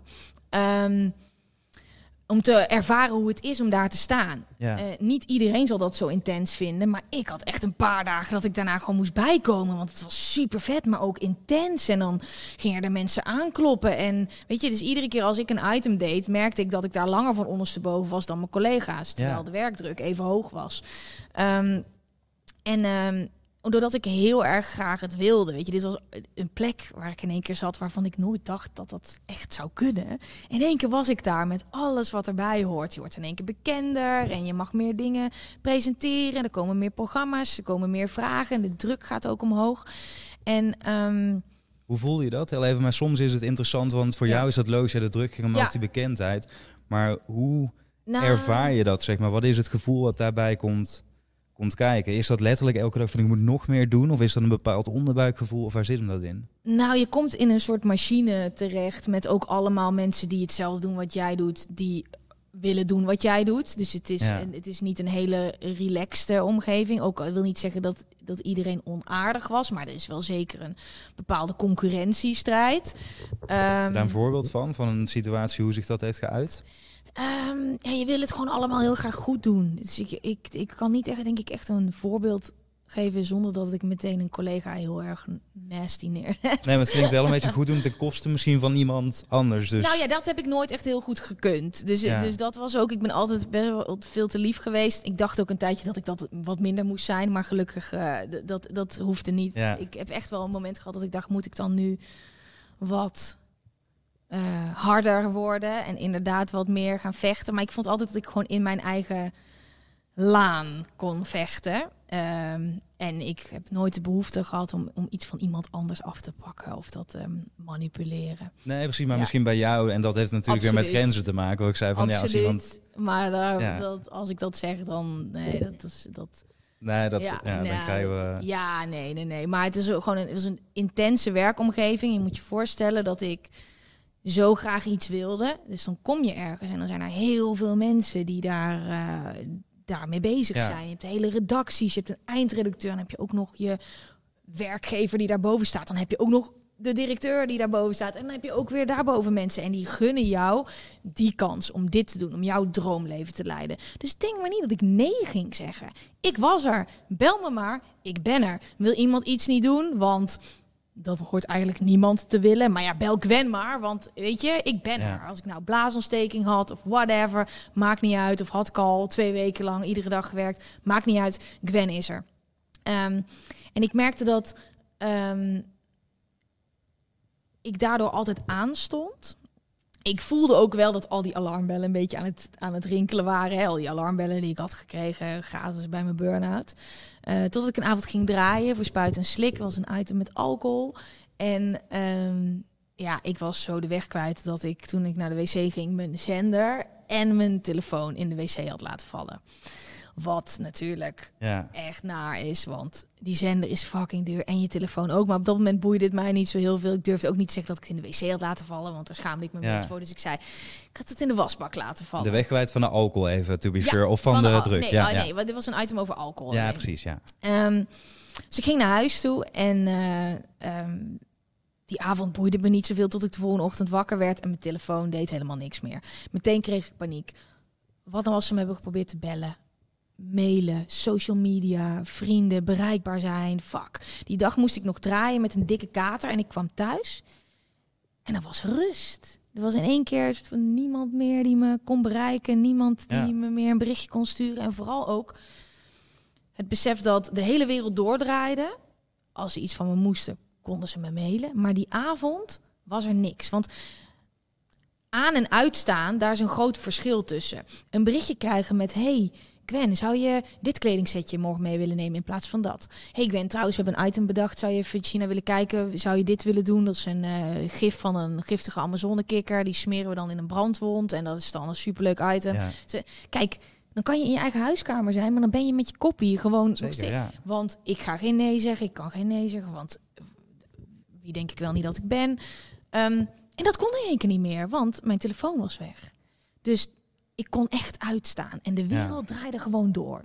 Ehm, daar ging nog wat aan, aan, aan eh, door. Het weekend daarna ging ik met mijn vriend weg en toen eh, eh, kreeg ik een berichtje binnen op mijn WhatsApp, terwijl ik had gezegd dat ik mijn telefoon uit zou laten. Een hele grote deal was dat. En als je bij de publieke omroep werkt, dan mag je niet commercieel geld verdienen. Ja. Ehm, en dit was een hele grote commerciële commercial met de Fat Jewish in Zuid-Afrika voor een bedrag waar ik nog nooit, dat was gewoon echt een half jaar salaris van BNN, sloeg helemaal nergens op Ja. en ik mocht het niet doen.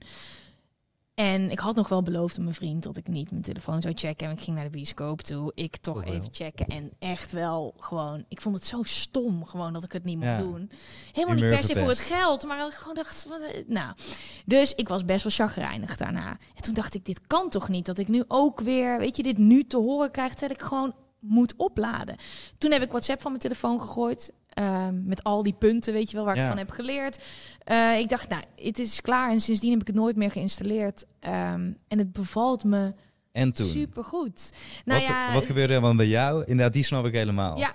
Dat je het, maar wat gebeurde er in je omgeving? Want dit is volgens mij hetzelfde wanneer je zegt, ik drink even niet meer. En Ja. dan voem. Nou ja, ehm, het, het is, eh, is gek. Het is heel gek omdat je iets. Ja, nu, ik vind het ook steeds grappiger om hoe vaker ik erover praat. Het is inmiddels al zo lang, ik denk langer dan vijf jaar, Ja. dat ik vind het dus helemaal niet meer raar. Ehm, maar het niet hebben van een app waar iedereen mee communiceert, is raar. Maar ze kwamen er ook wel achter dat ik gewoon bereikbaar ben per mail. Dat ik nog steeds wel reageer. En door heel duidelijk aan te geven van jongens, ik heb dit nodig. Omdat ik niet lekker ga op oneindige chats. En ik laat me daardoor op. En door te laten zien dat als ik er ben, ben ik er 100%. Ik ben altijd goed voorbereid. Ik ben altijd professioneel. Ja. Ik doe mijn werk supergoed. Ik ben er als ik er ben. Ik ben ook nog goed bereikbaar via mail. En ik heb dan wel een beetje de mazzel dat ik een agent heb die 24-7 bijna bereikbaar is. Uh, maar dat is een manier waar ik mee werk. En um, ja, als, als iedereen ziet dat ik daar lekker op ga, echte vrienden begrijpen dat dan. En je werkgever, die, die, ja, als je je werk gewoon goed doet. Leg je dan inderdaad ook uit, want dat kan ik me voorstellen. Als werkgever zijn, dan denk ik dat je denkt van nou, allemaal prima, ja. als het mijn belang ook maar dient. Dus als jij dan mhm. bijvoorbeeld ook uitlegt van ja, maar jij bent hier ook mee geholpen, want ja. dan is het misschien al wat makkelijker voor iemand om te accepteren dan dat je zegt, dit is gewoon hoe ik het doe en kijk maar hoe je het daarmee... Uh... Nee, omdat ik ook heel duidelijk altijd het gedeeld dat ik, dat ik een burn-out had gehad. En mensen merkten aan mij dat ik wel echt helder was in het aangeven van mijn grenzen. Ook wel met werk. Dat heb ik echt moeten leren hoor, zeker op die plek. Uh, maar het bracht mij zoveel. En ja, dat is zeker wel. Kunnen we niet even direct met Gwen en zo? Nee, weet je, dit is gewoon. Ik wil gewoon heel graag alles gebundeld hebben. Niet, je kan 15 keer per dag met iemand een korte wisseling hebben. Of je kan één keer per dag alles lezen. Zeker ook als je gewoon heel ambitieus bent en meerdere dingen wil doen ik kies bewust voor dingen eh, waar ik energie van krijg, waar ik lekker op ga. En dat betekent dat ik sommige dingen niet kan doen. En, en mij kost het heel veel energie. En laat het duidelijk zijn, ik had ook heel graag een persoon willen zijn die in 15 groepsapps tegelijk zat. Absoluut. Ik mis soms ook dat ik denk, ja, iedereen zit daar dan in en pesten ze me ook mee als ik een nieuw programma doe. Uh, hij zit allemaal in een groepsapp en jij niet. Maar dat lukt mij gewoon niet. Want ik doe alles met duizend procent. Hier zit ik met duizend procent. Een gesprek een chat doe ik met duizend procent. Ik wil nog steeds als de pleaser die ik ben, iedereen blij maken. Maar ik heb inmiddels wel een beetje mijn eigen kaders uh, afgegeven. Zodat ik dan jullie extra blij kan maken. In plaats van dat ik net in de auto vijf groepsapps zag. Je bent maar één mens. Dat heb ik echt geleerd van mijn burn-out. Je bent maar één mens met één batterij. En jij kan kiezen waar je die opmaakt. Ja, zeker. Hoe klinkt dit voor jullie? Want ik zie jullie heel uh, aandachtig luisteren. Is het allereerst herkenbaar? En ten tweede iets waarvan je zelf ook denkt van... oh, dit klinkt als hemel of hebben jullie er misschien geen last van? Ja, ik los het misschien op een iets andere manier op door gewoon gesprekken te archiveren. En tegenwoordig is het ook zo dat hij dan, als er iets ingestuurd wordt, popt hij niet weer automatisch naar Geen boven. Wist ik eerst ook niet. Dus ik heb ook onbewust echt mensen heel erg genegeerd omdat het net nieuw was. Maar um, dat helpt wel. Maar ik kan sowieso wel redelijk dingen negeren. Maar niet werk. Dan is het meer mijn familie, familiegroepsapp of zo. Dus dat is eigenlijk ook niet helemaal de goede verdeling. Um, ik heb ook wel inderdaad, als ik iets, een verzoek of wat dan ook binnen zie komen via WhatsApp, ook al is het mijn vrije dag, uh, ben ik toch geneigd om inderdaad wel te zeggen ook van, ook doe het wel eventjes. Ja. Um, en dan krijg je eigenlijk wat Gwen net zei, natuurlijk deel dat aan en uit. Want je bent thuis met toch op het werk en toch kost dat energie, of het nou bewust of onbewust is, maar je, bent er met, je schenkt er aandacht aan, laat ik het zo zeggen. Precies, ja, ja. Omdat het toch, ik maak misschien voor anderen al, uh, doe ik al, ja, maak al een aanname dat zij het vervelend vinden dat ik niet reageer, ook al is het dan ja. mijn vrije dag. Ja, maar dit is interessant inderdaad, wat je zegt, dat mm gedachteproces en die verwachting die er ook van afhangt. Want ik zie het altijd inderdaad hetzelfde als bellen. Um, ik heb wel eens vrienden gehad die gaan op random momenten ineens bellen. Oh, en dan is gewoon, hé, hey, alles goed. Dan zeg ik, wat is er? Ja. Nee, ja, gewoon, uh, wat ben je aan het doen? Ik zeg, uh, weet je, Maar het is een soort inbreuk elke keer weer op je eigen agenda en op je aandacht natuurlijk. Wat WhatsApp des te meer is. FaceTime is nog erger. Ja. ja. Maar mensen... Um kunnen jouw tijd niet zomaar altijd claimen. Als iemand jou een berichtje stuurt of iemand iets van jou vraagt, jij bent niet verplicht om te reageren. Het ding is alleen met hoeveel onrust krijg je ervan. Um, in het kleine studerende leven dat ik heb gehad, of toen ik nog bij de sportschool werkte, was dat minimaal. Maar op een gegeven moment als je gaat stapelen in je leven en je krijgt steeds meer verantwoordelijkheden, steeds meer ambities, je wil steeds meer gaan doen en er komen steeds meer vragen en mensen proberen steeds meer van je op te eisen, dan kan je echt vastlopen, omdat als het één keer een ja is, maar het wordt op een gegeven moment iedere avond een ja. Of je hebt één week gehad waar het twee keer gebeurt. Zelfs een chille avond sta jij nog een beetje stand-by. Ja, dus ben je niet helemaal aan het opladen, want je weet, het zou zomaar kunnen. En, ik zorg er zelf ook voor dat als ik drie keer ja heb gezegd op een moment dat ik eigenlijk nee had moeten zeggen, maak ik ook voor anderen een verwachtingspatroon voor mij mhm. dat ik altijd beschikbaar ben. Dus als ik de vierde keer in één keer nee zeg na drie keer ja, is het misschien toch wel een beetje gek omdat ik het eerder wel deed. Ja. ja. Hier ben ik een hele goede in met werk. Als ik bijvoorbeeld ook naar deze productie kijk. Eh, ik heb natuurlijk bijvoorbeeld met Talia, jouw agent, eh, contact gehad. Maar dan is het wel dat je nou denkt van ja, je wil het allemaal, alle eindjes wil je aan elkaar knopen om het zo te zeggen. Of alle lijntjes bij elkaar laten komen. Mhm. Uh, en dan heb ik wel eens bijvoorbeeld ook toen jij die situatie omschreef met dat je dat festival organiseerde en de posters en et Ja. cetera. Ja, in, in zo'n situatie denk ik dan toch, ik zeg niet dat het niet kan. Mhm. Maar stel dat ik nu tegen iedereen waar ik eigenlijk iets van vraag zeg van ja, weet je wel, dit is mijn handboek, zo kun je me contacten. Mhm. Daarom vroeg ik het ook van in praktisch uitvoerbaarheid. Ik snap dat het Ja. voor jou werkt en ik wil het ook helemaal niet onderuit halen. Ehm, maar ik vraag me inderdaad af van hoe is het voor een breder publiek inzetbaar, als je Ja, snapt wat ik bedoel. Ik denk, als jij geen WhatsApp hebt, en ik zeg dus ook absoluut niet dat dit voor iedereen weggelegd Nee, is, maar ja. bepaalde informatie kaderen, zodat jij kan kiezen wanneer je het opent. Want dat is waar het bij mij allemaal om gaat.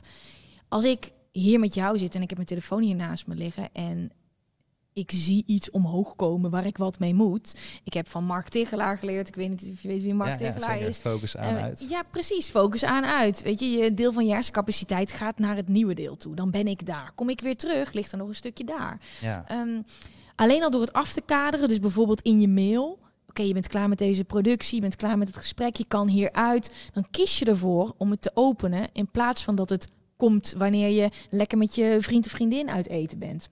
Ehm, en hierin werkt dus voor iedereen wat anders. En het leuke is, wij zijn de baas daarin. Wij mogen die manieren zelf bedenken. Dat wij allemaal in één keer zo'n groene app hebben geïnstalleerd en denken: fuck, dat is gewoon hoe het nu is. Ja. Nee, dat is helemaal niet zo. Ehm, en dat geldt voor alles wat we doen.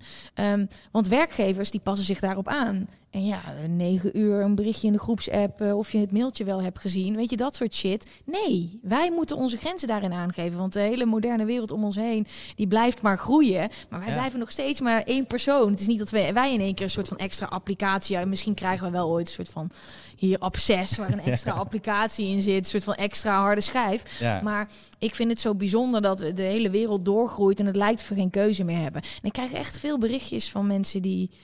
Eh, ik wist helemaal, ik dacht dat ik hier helemaal alleen in was. Hè. Wat Ja. ik met dit verhaal een beetje probeer te zeggen is dat je, jij mag zelf kiezen. Maar een hele hoop mensen hebben er last van. Ik wil niet de hele tijd in groepsapps met familie, vrienden, andere vrienden, vage kennissen, schoolvriendinnen. Weet je, dus Ja, je hebt daar een keuze in. En er zijn alternatieven. Weet je, ik ben nog steeds bereikbaar, ik ben nog steeds een goede vriendin.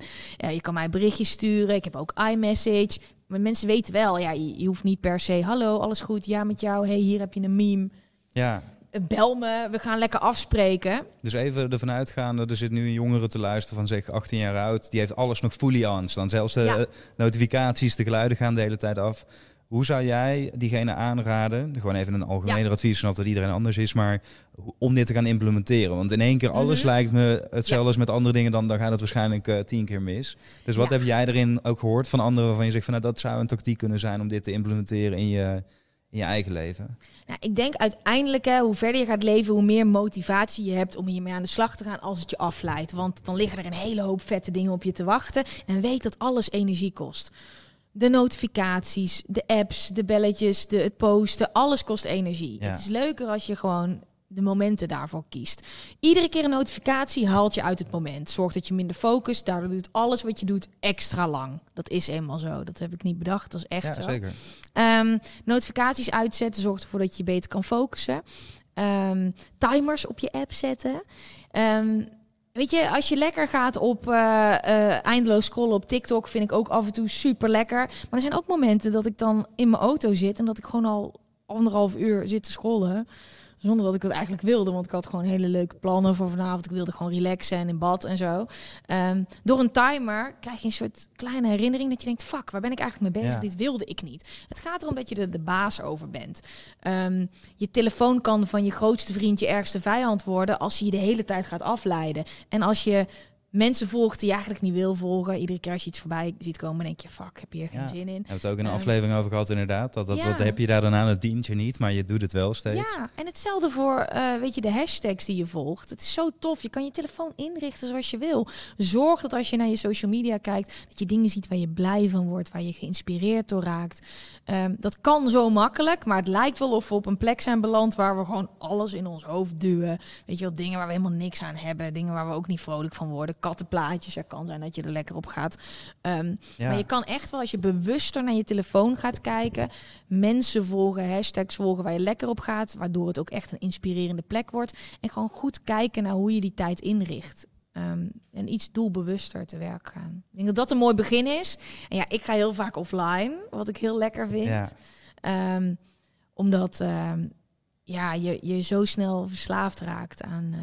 Nou, aan da- de- en dan heb je ja. dus zelf niet meer in de hand, inderdaad. Precies, en dan weet ik ook weer wat ik heb. Is hetzelfde als als je gewoon eh, ehm, en iedere dag McDonald's eet, weet je wel. Dan proef je, oh nee, trouwens, ook McDonald's is ook niet zo lekker, maar je, dan wordt het normaal. Dus Ja, ik heb ook met mijn telefoon dat ik, ja, ik vind het heel lekker om soms offline te gaan. En soms ook zelfs een maand. Dat kunnen mensen soms niet indenken. Nou, je nulpunt verschuift natuurlijk steeds Ja. verder de andere kant op. Waardoor heel veel mensen nu denken, ook denken van ja, ik heb er niet zoveel last van. Omdat je al bijna niet meer Mhm. herinnert hoe het ooit was. En wat ik wel wel interessant vind, want ik ben een beetje in mijn hoofd aan het zoeken, merk ik na. Want je bent op het duur natuurlijk hier meer, steeds meer mee naar buiten Ja. gekomen. Eh, met z'n allen de podcast kwam toen, met z'n Ja. allen mediteren. Ja. Ehm, steeds meer, maar ik denk wat je net zei, van inderdaad, onze hersenen zijn ook eigenlijk hetzelfde als honderden jaren geleden. Die wereld gaat steeds sneller en daar komt dus steeds meer problematiek door dat verschil wat erin zit. Ja. En je bent nu natuurlijk ook met je boek eh, vol aan de slag gegaan. Oh my god. Met je voeten in het stopcontact, toch? Ja, Kijk, ja. ik hoorde hem voor het eerst en ik vond het al tof. Want ik moest er drie keer over nadenken. Ik dacht van dit is nice, want het, het, het pakt me in ieder geval dus wel. Ik ga erover nadenken. Dan heb je denk ik met een titel gedaan wat je moet doen. Ja, heel grappig, want mijn vader zegt het al eh, heel mijn leven Ja. tegen me.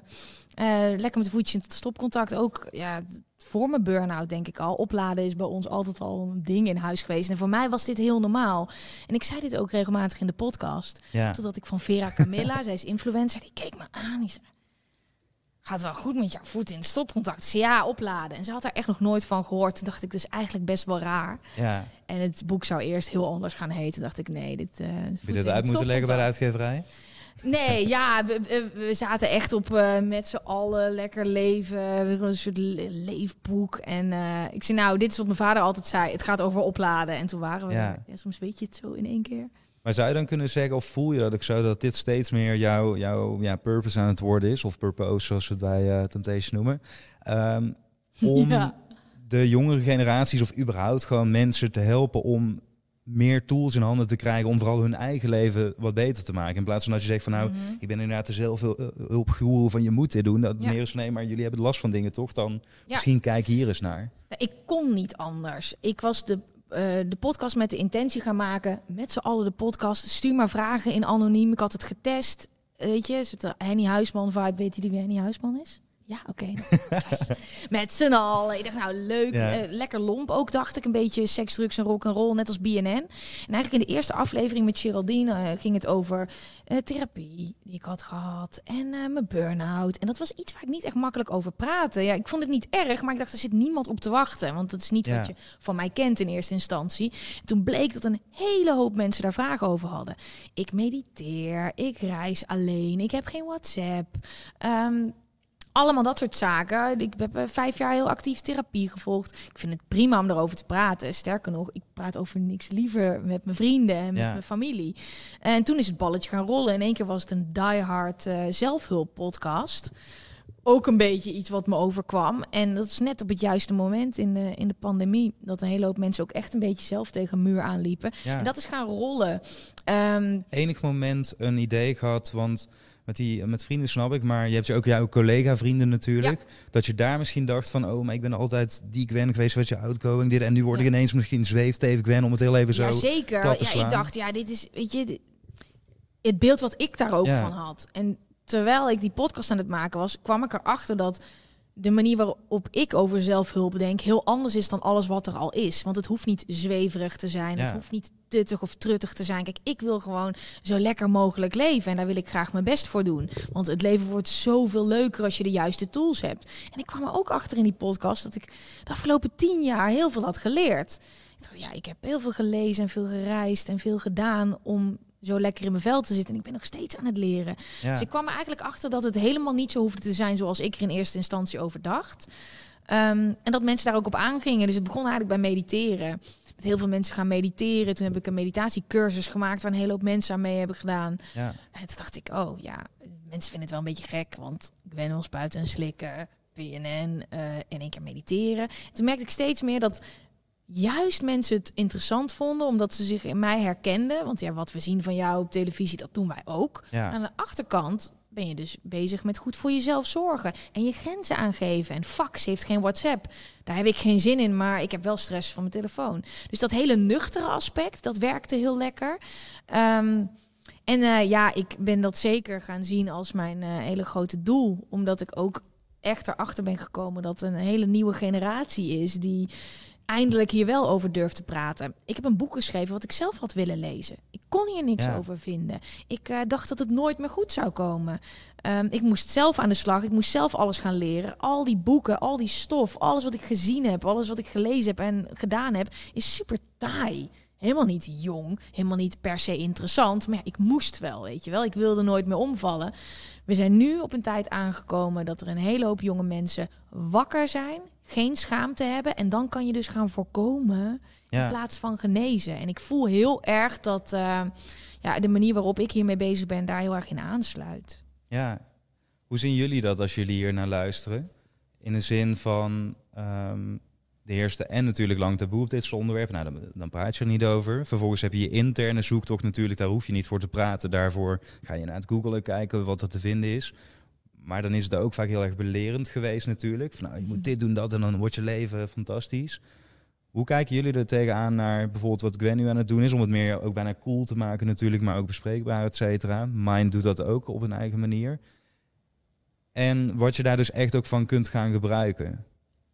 Dus daarmee bedoel ik, heel veel dingen zijn tof om te horen. En er is nu Ja. ook geen WhatsApp. Nou, dat klinkt leuk en dat is misschien inspirerend. Maar als het daarbij stopt en je vervalt weer terug eigenlijk, dan Mhm. doet het alsnog niets natuurlijk. Dus Ik denk dat we nu heel erg, wat jij zegt, in het tijdperk zitten dat het ehm, van het stoffige naar snackable gaat. Dus Ja. wat je nu ziet, ook op ja. TikTok, dat daar ook de mental health heel erg bezig is. En dat ehm, de marketing heel erg gericht is op jongere mensen. En dat het heel erg in hun taal en heel erg in hun belevingswereld wordt gedaan. En dat het op die manier veel meer aansluit. En ik denk dat we ook nu veel meer vanaf de bodem naar boven kunnen gaan. Dus waarom zit je eigenlijk zoveel op je telefoon? Omdat je je af aan het leiden bent van iets van stress of iets waar je niet mee bezig wilt zijn. En sporten en leren en iets anders is niet altijd leuk. Maar de moeilijke keuzes maken zorgt soms wel dat het makkelijker wordt uiteindelijk. En ik denk Ja. dat we ons daar nu veel meer bewust van zijn van leg die telefoon even weg, doe even wat je niet wil doen. En dan dat maakt het uiteindelijk beter.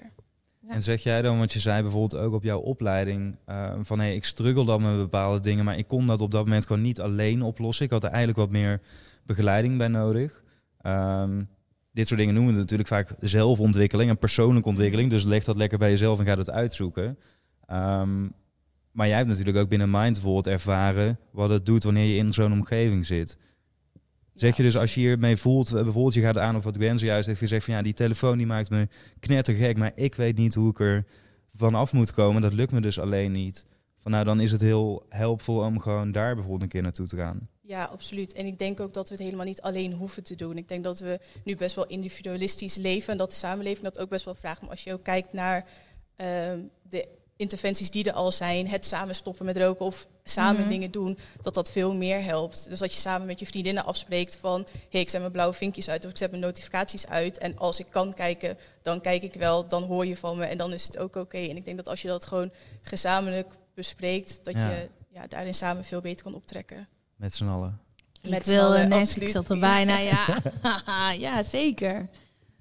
Ja, is dat wel wat jij ook hebt ervaren? Dat dat, dat, dat met z'n allen gevoel dus heel erg ook mensen erbij betrekt die misschien normaal gesproken meer nog waren van nou, dit is niet voor mij. Maar ja, als dan ineens je hele vriendengroep het doet, Ja. dat je toch maar instapt. Zeker. Ja, we hebben nu met z'n allen de club sinds maart. Dat is een platform waar mensen lid van kunnen worden. En daar zie je echt dat dat leeft. Het is een heel forum. eh, moeders die struggelen met moeder zijn. Hoogsensitieve mensen. eh, singles, whatever. Mensen die eh, het overal last van hebben. Weet je, waar, Ja. waar, waar je maar aan kan denken, die elkaar daarin vinden. We doen daar ook challenges samen. Het heet niet voor niks met z'n allen. We met z'n allen mediteren, met Ja. z'n allen fit. En ik merk heel erg dat als je dingen samen doet, dat je ook als als je zelf sterker wordt. Zeker ook qua motivatie. En alles bespreekbaar maken. Dat is zo belangrijk. Weet je, als je hoort dat mensen ook ergens last van hebben of ook niet lekker gaan. Alleen al dat troost. Hoef je niet eens je met elkaar te bemoeien. Want ik ben ook niet iemand die ehm, heel actief is in een forum bijvoorbeeld. Maar alleen al het kunnen lezen dat mensen hetzelfde meemaken. Dat is zo fijn. Dat je niet alleen bent en dat je dus ook geïnspireerd wordt eh, om een verandering te maken. Kijk, ik heb dat best wel extreem doorgevoerd. Omdat ik hier al heel lang mee bezig ben. En omdat ik ook die ruimte voor mezelf durf te nemen. Ehm, maar het kan ook zijn in het klein. De berichten die ik binnenkrijg van mensen zijn zo uiteenlopend. Uh, het gaat bijvoorbeeld ook over, yo, ik uh, zou ook graag een weekendje offline willen, maar ik zou niet weten wat ik moet doen zonder telefoon, want dan verveel ik me. Ja. Dan denk ik, nou jongens, laten we het eens even bespreekbaar maken. Want wat de fuck, zijn we nou echt op een punt beland dat we niet meer weten wat we moeten doen zonder onze telefoon? Um, ja. Ik vind dat bizar. Ik vind het bizar dat, dat, weet je ook even, hoe kom je daar terecht? Um, en hoe kan het dat je daar terecht bent gekomen dat je geen oog meer hebt voor de wereld om je heen? Het is iets wat we allemaal wel herkennen. Juist over dat soort thema's praten. Het zijn dingen waarvan je denkt, ja is goed, uh, luister ik ga naar de huisarts, want uh, ik heb superveel hoofdpijn en ik slaap amper. Rot op met je telefoongebruik. Nee, wacht, laten we even teruggaan. Vroeger dachten we niet eens aan mentale problemen als we fysieke klachten hebben. En inmiddels weten we al wat stress kan doen. Weet je, ja. hoe dat kan doorcijpelen. Um, het leven om ons heen is zo aan het groeien en het blijft maar groeien. Het gaat allemaal sneller, het wordt allemaal groter. Wij zijn de generatie die wij onszelf moeten beginnen, want we kunnen niet meer worden. Um, als je mensen ook het vertrouwen geeft dat ze dat zelf kunnen doen, dan zorgt het echt ervoor dat je met een groep als een speer gaat. Begin het met zelfinzicht, denk je? Dat als jij voor jezelf weet, wat is voor mij goed, waar liggen mijn Mm Passies, waar ben ik goed in, waar, wat vind, vind, ik minder fijn. Dat als je dat al niet hebt, dat het vervolgens bijna onmogelijk is om een keuze te maken hierin. Ja, de, de 100 procent, dat is waar het hele boek over gaat. Ik heb mijn eigen um, recept geschreven, mijn eigen gebruiksaanwijzing. Ja. Ik ben erachter gekomen wat voor mij werkt. Uh, door op avontuur te gaan, door keihard over mijn eigen grenzen heen te gaan. Maar doordat ik weet wat er op mijn gebruiksaanwijzing gaat, kan ik mijn grenzen goed aangeven. En het hele boek gaat over je eigen gebruiksaanwijzing schrijven. Ja. Uh, beste vrienden worden met jezelf. Dat is wat ik heb gedaan. Want dat is het allerbelangrijkste. Weet je, ik zet mezelf op nummer één. Boven iedereen. Boven mijn ouders, mijn vriend, mijn kennissen, vrienden, schoonouders, ook boven mijn hond. Um, omdat ik weet dat als ik niet goed voor mezelf zorg, ik er voor niemand kan zijn. Ja. Um, en als je ook mensen het vertrouwen geeft om zichzelf helemaal bovenaan te gaan zetten. En ook, weet je, de, je eigen gebruiksaanwijzing te gaan schrijven. Dan kunnen er echt magische dingen gebeuren. Ja, wat je zegt inderdaad, dat je die ruimte ook durft in te nemen. Van ik ben het waard om mezelf op één te, mm -hmm. te zetten. Ja. Want dat is natuurlijk ook voor veel mensen iets van om dat in te durven nemen. Van hé, maar ik ben het waard om dat te doen. In plaats als van ik dus inderdaad. zie dat jij dat doet, dan denk ik, fuck, dan ga ik dat ook doen. Ja. Ga jij iedere ochtend eerder opstaan om naar de sportschool te gaan? Fuck. En hij krijgt daar energie van, dan ga ik dat ook doen. Oh, gebruik jij je telefoon minder in de avonduren en dan heb je dat gewoon tegen je werkgever gezegd? Fuck, nice. Ja. Weet je, dus dit is, weet je, in, in, in um, mijn eigen gebruiksaanwijzing ziet er heel anders uit dan die van jullie. Weet je, er staan allemaal andere dingen op. Maar ja. wij mogen hem allemaal schrijven. En, we, en het mooie is dus ook, als je dus um, um, voor jezelf op gaat komen, ga je alleen maar beter functioneren. Je gaat een betere werknemer zijn, betere vriend of vriendin, beter baasje voor je hond, weet je wel. Dus iedereen wordt er beter van Ja. als je voor jezelf gaat zorgen. Ja, en, en ook voor jezelf vooral. Want mensen zijn er natuurlijk van nature puur egoïstisch. En dan is het vaak van ja, maar je vindt het ook belangrijk hoe jij jezelf voelt. en wat je zegt, je hebt er invloed op. Ja. En ik denk dat dat vaak iets is wat niet helemaal wordt gezien. Zeker als je jonger bent, dan denk je, ja, maar het is gewoon zo. Het is statisch, het is vast. Het is, hiermee ben ik opge. Ja, dus waarom en- ben ik nou zo? Ik dacht altijd, jezus, waarom kan ik nou niet gewoon normaal zijn? Hoe lang ga ik weet nog wel dat ik voor het eerst bij een psycholoog kwam, dat ik zei, zeg me gewoon wat ik moet doen. Wat is dit? Ja. Het oude hoer, weet je wel? Is het? Ik wil gewoon een oplossing hebben en hier aan werken. Waarom moet bij mij altijd alles zo moeilijk? Ehm, maar we, weet je, we leven in een maatschappij waarin iedereen hetzelfde moet zijn. Dat verwachten we. We hebben een wereld gecreëerd waarin we, weet je wel, lekker boodschappen doen, lekker naar bed gaan, een telefoon hebben die werkt. Ehm, Maar dat kunnen we veel individualistischer gaan aanpakken. Niet iedereen is hetzelfde. Niet iedereen Ja. heeft dezelfde grenzen. Niet iedereen krijgt op dezelfde manier energie. Als je mensen leert hoe ze beter voor zichzelf kunnen zorgen, dan gaat de wereld er een stukje beter uitzien. En dat zie je ook al steeds vaker bij werkgevers. Hè. Jonge, jonge bedrijven, daar kan je overdag sporten, mediteren, onbeperkt vakantiedagen, een meditatie headspace abonnement, een psycholoog waar je onbeperkt naartoe kan. Dat zijn de nieuwe jonge bedrijven. En het mooie is, ze werken beter, ze zitten lekkerder in hun vel, ze vallen minder snel om. Zeker, ja. En als je het voor mensen die heel data gedreven zijn, ik zeg het ook vaak tegen ondernemers, ik van, ja, het kost je gewoon 60.000 euro als dat iemand uitvalt. Dus je hebt er zelf eh, ook heel veel baat bij. In die zin, als je het weer over dat egoïsme hebt, van iedereen is erbij gebaat. Mhm. En ik denk om hem daarmee af te ronden, wat jij net zegt, van het is denk ik in plaats van individualistischer, persoonlijker inderdaad. Dus afgestemd op Ja. de persoon. En dat kunnen we alleen maar doen door het samen te doen. Want Ja. anders kun je niets afstemmen. Want als ik gewoon tegen jou zeg, van, ja, maar ik ben ik app alleen. En jij zegt, ja, maar Sander, ik bel alleen. Ja, dan Ja. komen we nergens natuurlijk. Mhm, absoluut, absoluut. Eén laatste die ik van je wil weten. En dat is niet één laatste tip. Maar ik ben wel heel erg benieuwd van al die veranderingen die jij hebt doorgevoerd. Mhm. Welke heeft in jouw specifieke geval de meeste impact op je leven gemaakt? Ik weet dat je dus inderdaad geen WhatsApp gebruikt, Mm. socials beperkt, sinds drie jaar geen alcohol meer drinkt of sinds de lockdown. Ook geen drugs meer. Geen drugs meer Kan inderdaad. ik over praten, dus spuiten en slikken. hè, Ja. Exact. En Ehm, welk van al die dingen zeg je, ik weet dat het een combi is, maar die heeft voor mij in ieder geval wel echt het verschil, of misschien wel de gateway naar die andere dingen gebracht. Ehm, ja, ik denk dat het, eh, dat klinkt heel simpel dit, maar ehm, ik ben, was op een seminar en daar praatte een gast die ooit een burn-out heeft gehad over het drinken van veel water in de ochtend. En hij vertelde dat je hersenen dan uitdrogen s'nachts. En eh, ik wist wel dat ik veel water moest drinken, maar dat gebeurde alleen maar als ik gewoon toevallig een glas water voor mijn neus had. Ik had geen idee waarom. En in één keer had ik het. Oké, als ik dus ervoor zorg dat ik iedere ochtend een glas water op mijn nachtkastje heb, weet ik waarom ik dit ga doen. Want hersenen, minder focus, uitdrogen. Ehm, en hij vertelde me over het bouwen van gewoontes. Ja. Dus dingen die je doet op de automatische piloot. Dingen die goed voor je zijn, die goed voor jezelf zorgen. En zo ben ik gewoontes gaan bouwen. Want ik wist helemaal niet hoe ik voor mezelf moest zorgen. Want ik had een druk leven. En ja, ik wil mediteren, ik wil sporten, ik wil gewoon er zijn voor iedereen. Maar ja, het bleef gewoon bij mijn leven. Hoe doen mensen dat? Ja. Ehm, en hij vertelde over het poetsen van je tanden. Hè. Dat is er ook ooit ingesleten. Vroeger doe je op de automatische piloot, denk je niet over na. Dus ik begon met dat water drinken. En dat heeft eh, het bouwen van gewoontes getriggerd. Daar ben ik heel veel over gaan leren. En nu kan ik dus op de automatische piloot ervoor zorgen dat ik de hele dag door mezelf energie geef zodat ik hier gewoon fit kan zijn, dat ik een goed gesprek kan voeren. Ja. Ben ik veel minder snel overweldigd. En dat is echt van het mediteren. Dus eigenlijk alles waar jij het net over had, zijn gewoontes geworden doordat ik heb Ja. geleerd hoe ik ze moet bouwen. Dus ochtends sta ik vaak wat eerder op. Mediteer ik, schrijf ik. eh, ik zorg dat ik genoeg groente in mijn lichaam gooi per dag. Ehm, ik weet hoe ik goed kan afbouwen voordat ik ga slapen. Dus echt, eh, gewoontes zijn de fundering van je leven. Dat is echt eh grootste game changer. Mentaal tanden poetsen. Ja, precies. Exact dat. Absoluut, ja. Gwen, ik wil je bedanken. Daphne en Kanisha, jullie ook, voor het delen van jullie eh, verhaal en het, eh, het scherp houden van ons. Eh, er is nog veel meer te vertellen natuurlijk. En dat is met dit onderwerp natuurlijk, het stopt eigenlijk nooit. Het, het gaat je hele leven lang mee. Mhm. Jij zelf gaat ook als het goed is je hele leven lang mee. En dan Mhm. kun je er maar beter goed voor zorgen. Ik denk dat dat de ondertoon van deze serie is en van deze aflevering. Ehm, en ik denk als mensen inderdaad er meer over willen weten, dan zou ik nogmaals zeggen of mind. Nou, ik wil niet zeggen of, ik zou zeggen en mind.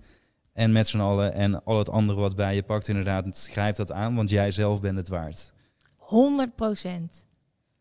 Had je tijdens het bekijken of beluisteren van deze aflevering nou een gevoel van herkenning? Alsof het over jou ging? Misschien doordat je zelf een bepaalde stress of druk ervaart. Misschien omdat je het moeilijk vindt om fout te maken of om keuzes vanuit je gevoel te maken. Dan is het heel belangrijk om te weten dat je er iets aan kunt veranderen. Maar de kans is groot dat je op dit moment nog niet weet hoe dat je dit kunt doen. En daarom heeft Mind speciaal voor jou een gratis challenge ontwikkeld waarmee dat je vandaag nog het verschil kunt gaan maken. Duizenden mensen zijn al voorgegaan en die hebben een voordeel hiermee gedaan. Zo zijn ze beter leren omgaan met hun perfectionisme, leer je beter keuzes te maken vanuit dus dat gevoel en leer je dat je af en toe even kunt uitschakelen, kunt ontspannen, zodat je vervolgens weer opgeladen aan je dag kunt beginnen. Dus klik op de link onder in de omschrijving om direct te beginnen en maak vandaag nog het verschil voor jouw eigen bestwil.